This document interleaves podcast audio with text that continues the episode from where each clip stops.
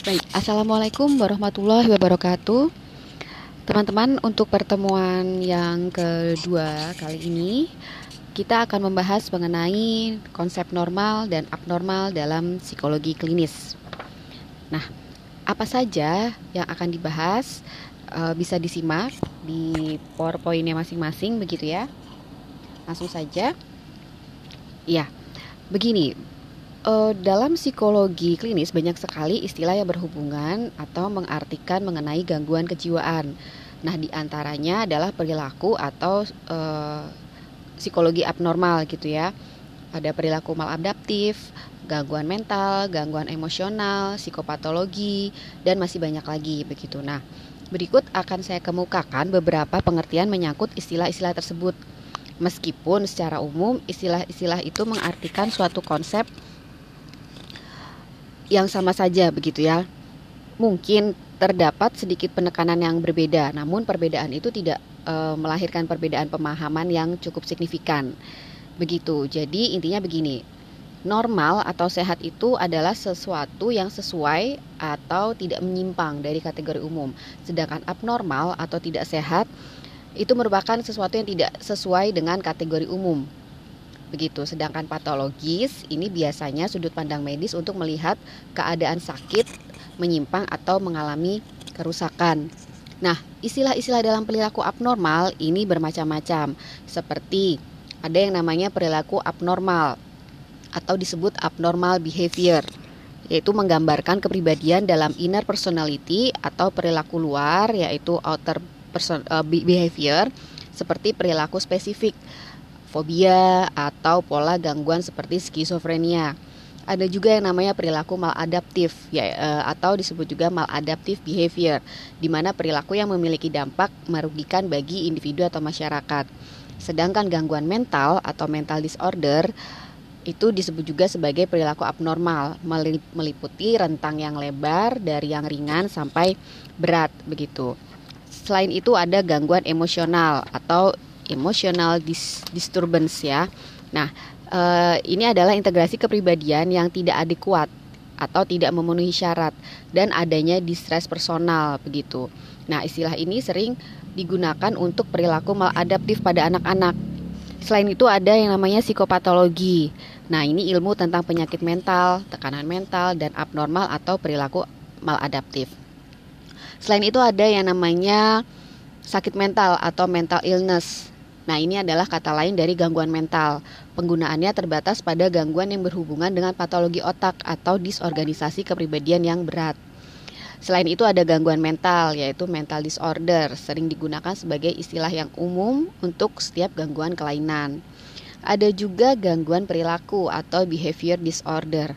Nah, gangguan serius dalam hal ya, gangguan Perilaku ini merupakan gangguan serius dalam hal tingkah laku dan emosi gitu ya.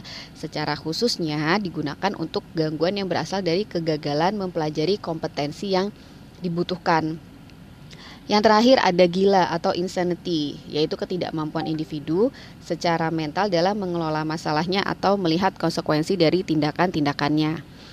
Uh, untuk selanjutnya, ada kriteria normal dan abnormal begitu. Nah, kriteria normal dan abnormal ini ada yang um, membaginya lagi, yaitu perilaku abnormal dalam pandangan akademis serta uh, pengertian abnormal yang keliru begitu ya menurut pandangan awam. Nah, akan saya bahas yang pertama perilaku abnormal dalam pandangan akademis. Ya, perilaku abnormal dalam pandangan akademis ada tiga. Yang pertama, menyimpang dari standar kultural atau sosial. Nah, ini bertitik tolak dari pengertian abnormal sebagai cap yang diterapkan pada perilaku yang menyimpang dari harapan-harapan sosial. Nah, menurut pandangan ini, tidak ada masyarakat yang sakit karena ukuran sehat itu ada pada masyarakat itu sendiri. Nah, tidak ada tingkah laku abnormal selama masyarakat menerimanya, gitu intinya.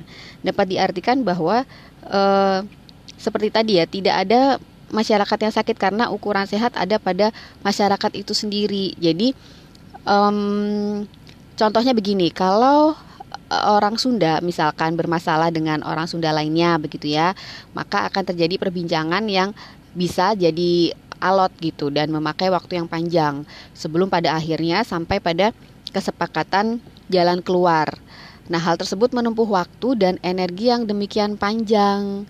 Besar kemungkinan uh, pada akhirnya mencapai kata akhir yang disetujui bersama. Nah, hal tersebut merupakan cara untuk mencapai uh, penyelesaian gitu ya problem solving. Nah, karena menurut uh, orang Sunda gitu, uh, mereka menganut suatu pemikiran yaitu yang uh, sesuatu yang buruk harus dibicarakan. Mungkin orang dari suku lain, misalkan dari suku Batak atau suku Jawa atau um, suku Badui atau suku yang lain itu berpendapat, bahwa cara cara pikir ini mungkin menggambarkan kelemahan pribadi seseorang gitu ya. Nah, um, pandangan hidup suku bangsa itu tidak dapat disalahkan begitu. Nah, karena itulah yang disebut baik oleh suatu suku atau budaya um, itu dikenal dengan nama relativitas budaya gitu ya atau cultural relativity. Pandangan demikian menolak adanya penilaian dan pemikiran membandingkan satu budaya dengan budaya lainnya karena di dalamnya terdapat masalah nilai atau value begitu. Yang kedua, ketidakmampuan menyesuaikan diri. Nah, perilaku abnormal itu sama dengan perilaku yang maladaptif ketika individu berada dalam kondisi yang menuntutnya untuk menyesuaikan diri dengan baik. Nah, terhadap apakah seseorang harus menyesuaikan diri, penyesuaian diri itu merupakan um, tuntutan dari lingkungan yang terus-menerus terhadap seorang individu, baik lingkungan dalam diri yang bersangkutan maupun lingkungan luarnya. Jadi yang disebut lingkungan dalam diri itu adalah kebutuhan-kebutuhan kejiwaan dan kondisi kejiwaan e, lainnya dalam diri individu gitu ya seperti impuls atau gejala-gejala atau dorongan-dorongan begitu. Nah, sedangkan di luar e, sedangkan di lingkungan luar ada situasi yang terdapat dalam lingkungan sekitarnya, misalkan tuntutan tugas, tuntutan sosial-sosial yang lain gitu ya.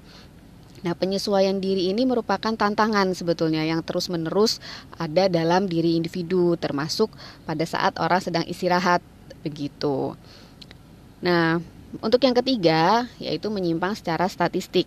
Maksudnya gimana nih? Nah, norma-norma numerik yang berdasarkan angka yang didasarkan pada prosedur statistik dapat dijadikan landasan bagi pengelompokan suatu perilaku. Ada yang paling sering terjadi, ada yang rata-rata terjadi dan sesekali terjadi. Maka yang rata-rata itu menunjukkan orang yang tergolong normal. Sedangkan yang sangat sering atau sangat jarang atau bahkan ekstrim gitu ya itu termasuk dalam kategori abnormal. Jadi yang paling mudah dipahami dalam kriteria ini adalah menyangkut fungsi mental yang disebut kecerdasan gitu ya.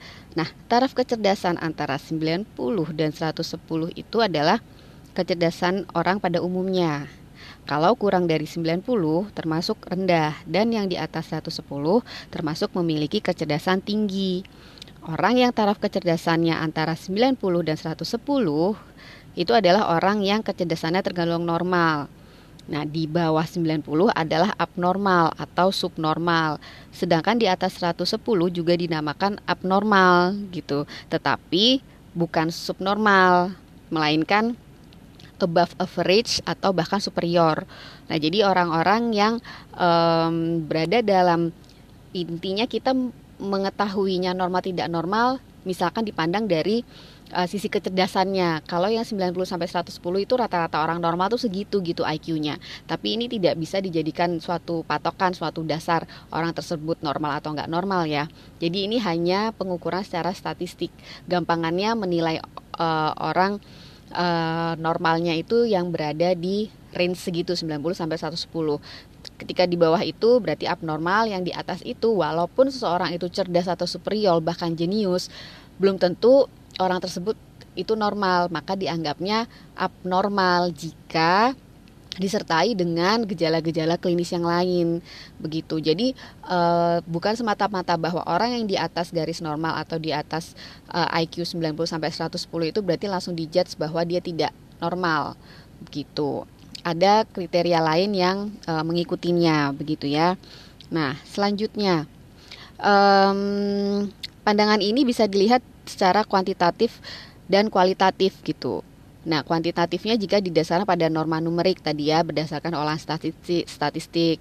Lalu normalitas tersebut dilihat pada ukuran ratanya. Uh, yang ketiga di bawah atau di atas rata disebut normal seperti yang saya jelaskan tadi. Kalau di bawah atau subnormal dan di atas atau superior begitu. Nah, secara kualitatifnya gimana? Nah, ini mengacu pada standar budaya masyarakat sebagai ukuran kesehatan dengan uh, cultural relativity tadi seperti saya jelaskan di awal.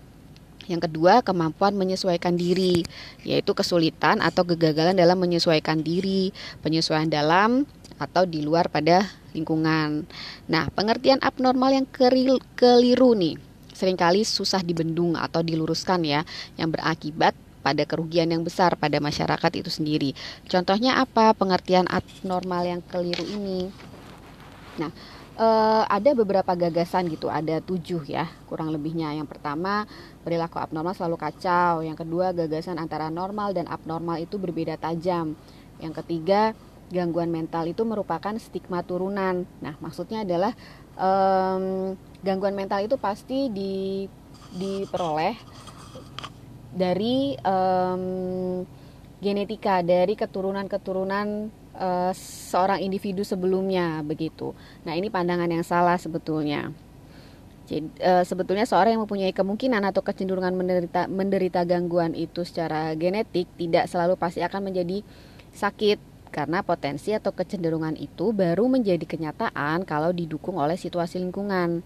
Nah, sebaliknya, seorang yang tidak memiliki kecenderungan tetapi kalau hidupnya selalu berada dalam situasi yang penuh tekanan ya bisa saja mengalami gangguan mental begitu ya.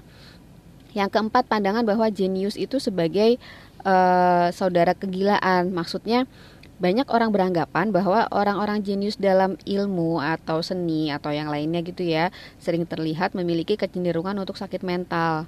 Nah, mengenai studi eksperimental ini sama sekali tidak menampilkan bukti apa pun terhadap anggapan tersebut. Begitu. Nah, e, tidak ada bukti yang menunjang sebetulnya as, e, menunjang asumsi bahwa orang yang memiliki intelektualitas yang tinggi berkolera, berkolerasi positif e, dan berkolerasi positif dan tinggi dengan abnormalitas psikis gitu ya. Memang ada kasus-kasus yang sering diekspos secara besar-besaran dan sekaligus dibesar-besarkan seperti misalkan pelukis Van Gogh yang skizofren atau um, apa uh, Einstein yang katanya disleksia atau mengalami autisme begitu ya. Namun itu hanya sebagian kecil dari yang sebenarnya ada. Kalau para uh, ilmuwan-ilmuwan jenius itu ternyata mengalami gangguan kejiwaan, nah uh, mungkin kita bisa menyikapinya dengan hal yang uh, lebih positif gitu ya. Lebih disyukuri saja bahwa keberhasilan mereka dan usaha-usaha mereka itu ada dampak positifnya bagi ilmu pengetahuan gitu. Selanjutnya, pandangan bahwa pasien gangguan mental itu berbahaya dan tidak dapat disembuhkan. Eh, pandangan umum di masyarakat yang paling bisa disalahartikan adalah bahwa sakit mental itu tidak dapat disembuhkan. Akibatnya, penderita yang selesai menjalani perawatan di rumah sakit atau mereka yang telah mengalami gangguan mental dipandang sebagai seorang yang tidak stabil dan setiap saat dapat membahayakan. Akibat lainnya, mereka mengalami perlakuan diskriminatif dalam pekerjaan dan pengembangan karirnya. Nah, seperti penderita sakit fisik nih misalnya, penderita gangguan jiwa pun dapat disembuhkan. Namun tingkat kesembuhannya akan tergantung pada benarnya tindakan penyembuhan yang dilakukan dan tingkat keparahan gangguan itu sendiri. Jadi sama saja bisa dianalogikan dengan penderita sakit fisik, begitu ya. Yang selanjutnya, yang keenam, keyakinan bahwa penderita gangguan mental itu tidak terhormat. Nah, banyak orang yang mendatangi misalkan nih dokter gigi atau dokter spesialis yang lainnya untuk mengobati penyakitnya. Tapi tidak dengan perasaan malu atau tidak terhormat. Namun tidak demikian dengan penderita gangguan kejiwaan ketika harus mengunjungi psikiater atau psikolog klinis. Nah, bagi mereka, meminta konsultasi kepada psikiater atau psikolog itu adalah sebuah aib yang besar karena menganggap sakit mental merupakan kutukan begitu ya. Nah, ini jelas berbeda dengan tanggapan mereka atas sakit fisik gitu. Nah, yang sebenarnya adalah bahwa gangguan mental atau kejiwaan itu tidak ada hubungannya dengan amoralitas begitu ya. Nah, bisa jadi seseorang yang sangat prihatin atas perilaku buruk yang makin parah di masyarakat bisa saja nantinya menjadi terganggu hidup kejiwaannya, lalu menjadi depresi, begitu. Memang dalam banyak hal eh, agama pasti banyak memberikan tuntun, tuntunan begitu ya eh, bahwa kondisi dan situasinya terlalu berat hendaknya dikembalikan lagi kepada Allah Subhanahu wa taala. Namun proses dalam pemaknaannya di realitanya uh, tidak begitu gampang tergantung kembali lagi ke pribadi masing-masing bagaimana cara menyikapi suatu permasalahan tersebut gitu. Yang ketujuh, ketakutan yang berlebihan untuk menderita gangguan jiwa. Lalu ada sehat mental ya. Sehat mental di sini ada mm, beberapa um, definisi dari beberapa tokoh gitu ya. Ada lima tokoh yang saya cantumkan di slide PowerPoint. Uh, silahkan bisa dipelajari karena ini teoritis ya. Lalu next ciri-ciri individu yang memiliki sehat mental yaitu memiliki kematangan emosional, kemampuan menerima realitas, hidup bersama dan bekerja sama dengan orang lain, dan memiliki filsafat atau pandangan hidup. Nah, model gangguan psikologis itu ada beberapa. Apa aja ya? Nah, yang pertama itu ada yang namanya model medis. Model medis itu disebut juga model penyakit atau model organik. Begitu ya. Nah, perilaku abnormal berhubungan dengan kelemahan fisik atau simptom patologis yang dilihat sebagai akibat dari penyakit biologis atau kimiawi. Yang kedua model psikodinamik ini berdasarkan teorinya Sigmund Sigmund Freud gitu ya.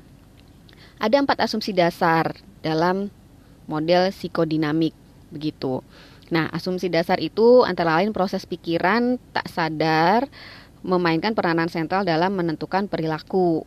Begitu. Yang kedua, tiga agen psikologis yaitu id, superego dan ego berinteraksi uh, ketika ada konflik psikologi yang harus diselesaikan.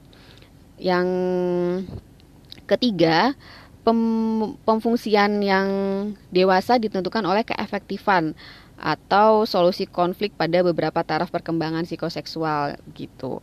Yang terakhir nih, konflik psikologis membawa orang pada keadaan cemas di mana ego berusaha mereduksinya dengan memanfaatkan mekanisme pertahanan diri yang tidak sadar gitu. Jadi proses ketidaksadaran sebagai penentu perilaku manusia itu menurut Sigmund Freud ada tiga tipe dipengaruhi oleh pengalaman sadar, bawah sadar, dan ketidaksadaran atau unconsciousness gitu.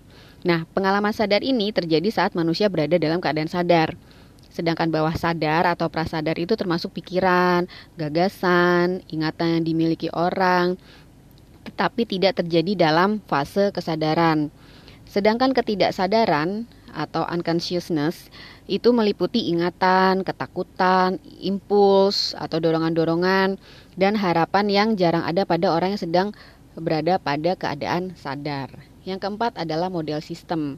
Nah, ini menggunakan konsep-konsep ilmu kealaman, proses informasi, dan e, sosial ya untuk meng mengkonseptualisasi interaksi manusia. Nah, lalu ada klasifikasi gangguan mental. Begitu ini untuk mempermudah kita mendiagnosa atau melihat kecenderungan-kecenderungan gangguan mental pada seorang individu. Ada klasifikasi menurut DSM yaitu Diagnostic and Statistical Manual of Mental Disorder. Nah, ini disusun pertama kali tahun 1934. Begitu ya, ini sejarahnya. Lalu direvisi direvisi terus kemudian sampai pada akhirnya tahun 92 uh, American Psychi apa Psychiatric Association, uh, Association menyusun dan merevisi DSM uh, 1 sampai DSM 4 pokoknya terakhirnya itu tahun 92 gitu. Dan ditemukanlah DSM 4 gitu. Sedangkan WHO sendiri melahirkan International Classification Diagnostic of Mental Disorders gitu atau disebut juga ICD yang direvisi secara periodik gitu ya. Jadi saat ini tuh sudah sampai pada uh, ICD 11 yang nanti rencananya akan resmi berlaku tahun 2022. Ini menurut informasinya begitu. Nah, pemerintah Indonesia sendiri melalui Direktorat Kesehatan Jiwa itu mengadopsi DSM dan ICD menjadi PPDGJ atau disebut juga pedoman penggolongan diagnostik gangguan jiwa yang sekarang itu sudah mencapai revisinya menjadi PPDGJ 3. Nah, sejarah DSM dan PPDGJ sudah saya sebutkan di uh, sudah saya tuliskan di slide ya, bisa dipelajari uh, revisi-revisinya mulai tahun berapa saja sudah tercantum di situ. Lalu saya akan jelaskan mengenai diagnosis multiaksial yaitu diagnosis mengenai klasifikasi gangguan begitu. Ada yang namanya aksis 1, aksis 2, aksis 3, aksis 4 dan aksis 5. Di situ teman-teman bisa pelajari di slide sudah saya jelaskan. Aksis 1 itu mengenai gangguan klinis, aksis 2 mengenai gangguan kepribadian, aksis 3 mengenai kondisi bio, uh, kondisi medik umum, yang aksis 4 mengenai masalah psikososial dan lingkungan, kemudian aksis 5 mengenai global assessment of functioning. Begitu. Nah, pentingnya PPDGJ ini apa sih gitu ya? Nah, pentingnya PPDGJ adalah yang pertama untuk menemukan gejala-gejala dan mendiagnosa gangguan kejiwaan. Begitu yang kedua, menyeragamkan kode untuk membantu dalam pencatatan, dokumentasi, dan statistik kesehatan. Jadi mempermudah tenaga kesehatan dalam uh, mendiagnosa gitu, dalam melihat gangguan kejiwaan yang terjadi ini apa begitu. Yang ketiga untuk keseragaman diagnosa. Jadi acuan pemberian intervensi atau terapinya bisa lebih terarah begitu. Yang keempat untuk alat komunikasi se seorang psikolog dengan uh, seorang psikolog klinis dengan ahli kesehatan lain uh, atau perawat. Jadi tenaga-tenaga uh, kesehatan itu bisa berkomunikasi dengan ad adanya uh, diagnosa dari PPDGJ ini. Jadi lebih jelas aksi 1 2 3 4 5-nya bisa dikontrol dari situ begitu. Yang kelima uh, untuk penelitian, jadi memberikan batasan operasional diagnosa gangguan jiwanya seperti apa. Baik, terima kasih. Sekian penjelasan dari saya. Mohon perhatiannya teman-teman, uh, teman-teman bisa jawab di chat. Uh, tolong tuliskan begitu ya. Uh, perbedaannya dari DSM dan PPDGJ gitu. Jadi DSM itu uh, mengungkap apa, asalnya dari mana, dan PPDGJ itu mengungkap apa dan asalnya dari mana. Begitu. Mohon bantu dijawab, silahkan dijawab di chat. Uh, akan saya tunggu jawabannya. Terima kasih. Uh, sekian um, ulasan materi dari saya. Jika ada yang kurang jelas atau yang ada yang ingin ditanyakan, silahkan langsung saja di chat di WA group begitu ya nanti kita diskusikan bersama. Baik, terima kasih. Akhir kata jika ada sesuatu yang kurang berkenan dari perkataan atau tulisan saya, saya mohon maaf. Akhir kata wassalamualaikum warahmatullahi wabarakatuh.